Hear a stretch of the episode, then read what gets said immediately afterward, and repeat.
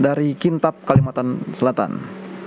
Saya ingin bertanya apa pandangan Alkitab tentang LGBT? Wah, Terima kasih. Silakan Pak Pendeta. Apa pandangan Alkitab dengan LGBT?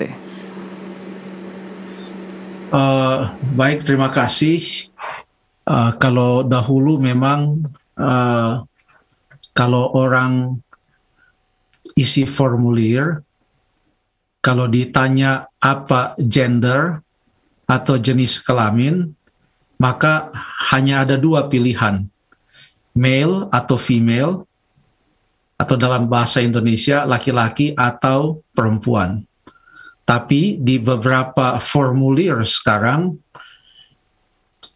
khususnya yang berada di luar negeri, bahkan di dalam mengadakan perjalanan, membeli tiket, dan lain sebagainya, sudah mulai ada di mana pilihannya bukan hanya dua, bukan hanya male dan female, tetapi sudah ada juga uh, unidentified atau sudah ada juga uh, kategori-kategori lainnya. Untuk menjawab pertanyaan ini secara singkat saja, bukan menjawab tapi menanggapi secara singkat.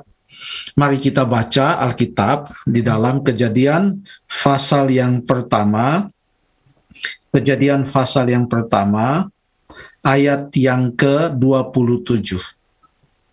Maka Allah menciptakan manusia itu menurut gambarnya, menurut gambar Allah diciptakannya dia laki-laki dan perempuan. Laki-laki dan perempuan diciptakannya. Jadi semenjak awal, semenjak penciptaan Tuhan Allah menciptakan hanya laki-laki dan perempuan. Bahkan waktu disebutkan mengenai pernikahan di dalam pasal yang kedua ayat yang ke-24 mengatakan sebab itu seorang laki-laki akan meninggalkan ayahnya dan ibunya dan bersatu dengan istrinya dalam bahasa aslinya dan bersatu dengan perempuannya sehingga keduanya menjadi satu daging laki-laki dan perempuan. Sangatlah konsisten. Namun bangsa Israel yang baru keluar dari Mesir dipengaruhi dengan berbagai macam uh, budaya-budaya kafir dan ada begitu banyak perbuatan-perbuatan jahat bukan hanya bangsa Israel. Kalau kita baca cerita tentang Sodom dan Gomora waktu itu sudah ada penyimpangan-penyimpangan seksual yang terjadi di mana orang sekota Sodom atau di kota Sodom laki-laki menggedor pintu rumah Lot. Ada tamu dua orang laki-laki di situ. Mereka katakan biarkan mereka keluar supaya kami pakai dia. Ini kan suatu penyimpangan yang terjadi. Dan di waktu penciptaan perbedaan antara yang benar dan yang salah yang baik dan yang jahat itu sangatlah jelas laki-laki dan perempuan. Tetapi di banyak tempat sudah mulai ada sekarang garis di antaranya. Tadinya garis itu tipis.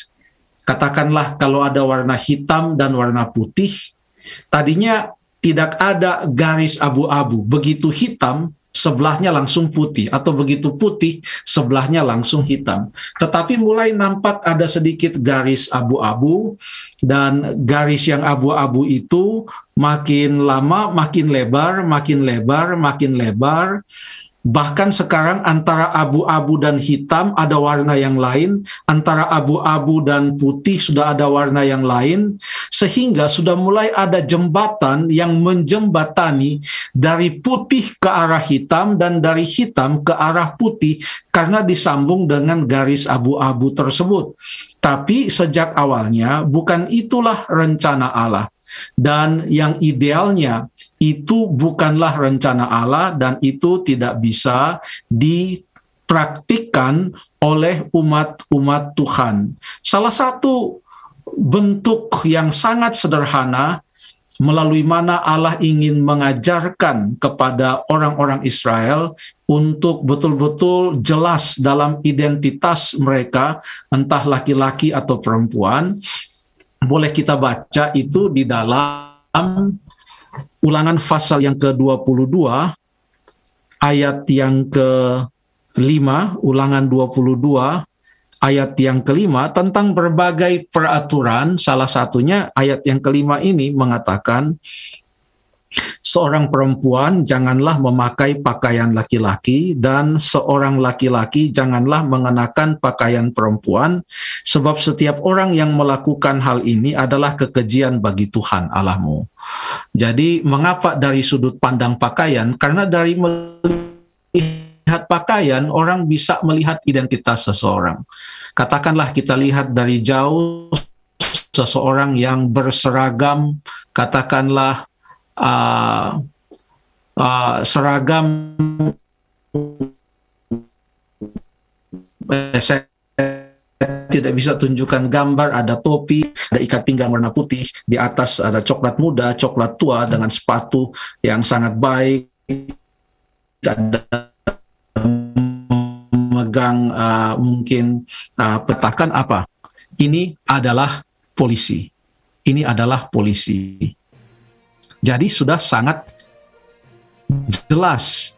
Jadi kalau ada orang yang suka menyamar, yang biasa disebut gadungan, supaya mereka disangka juga sebagai berprofesi. Saya pinjam profesi ini untuk digunakan sebagai ilustrasi, sebagai polisi, tidak jarang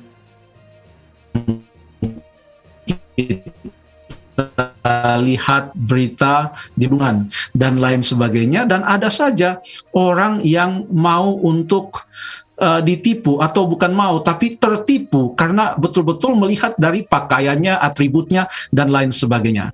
Alkitab mengajarkan yang laki-laki ya laki-laki lah, yang perempuan ya perempuan lah. Mungkin pakar-pakar uh, psikologi ingin menerangkan ini dari sudut pandang psikologi tentang uh, Uh, perasaan-perasaan, lalu kemudian bawaan-bawaan dan tabiat-tabiat yang ada pada diri seseorang, dan mau membahas itu dari sudut pandang psikologi, boleh saja, tetapi apa pun hasilnya, tetap yang Alkitab katakan hanya ada dua yang Tuhan Allah ciptakan, yaitu laki-laki dan perempuan.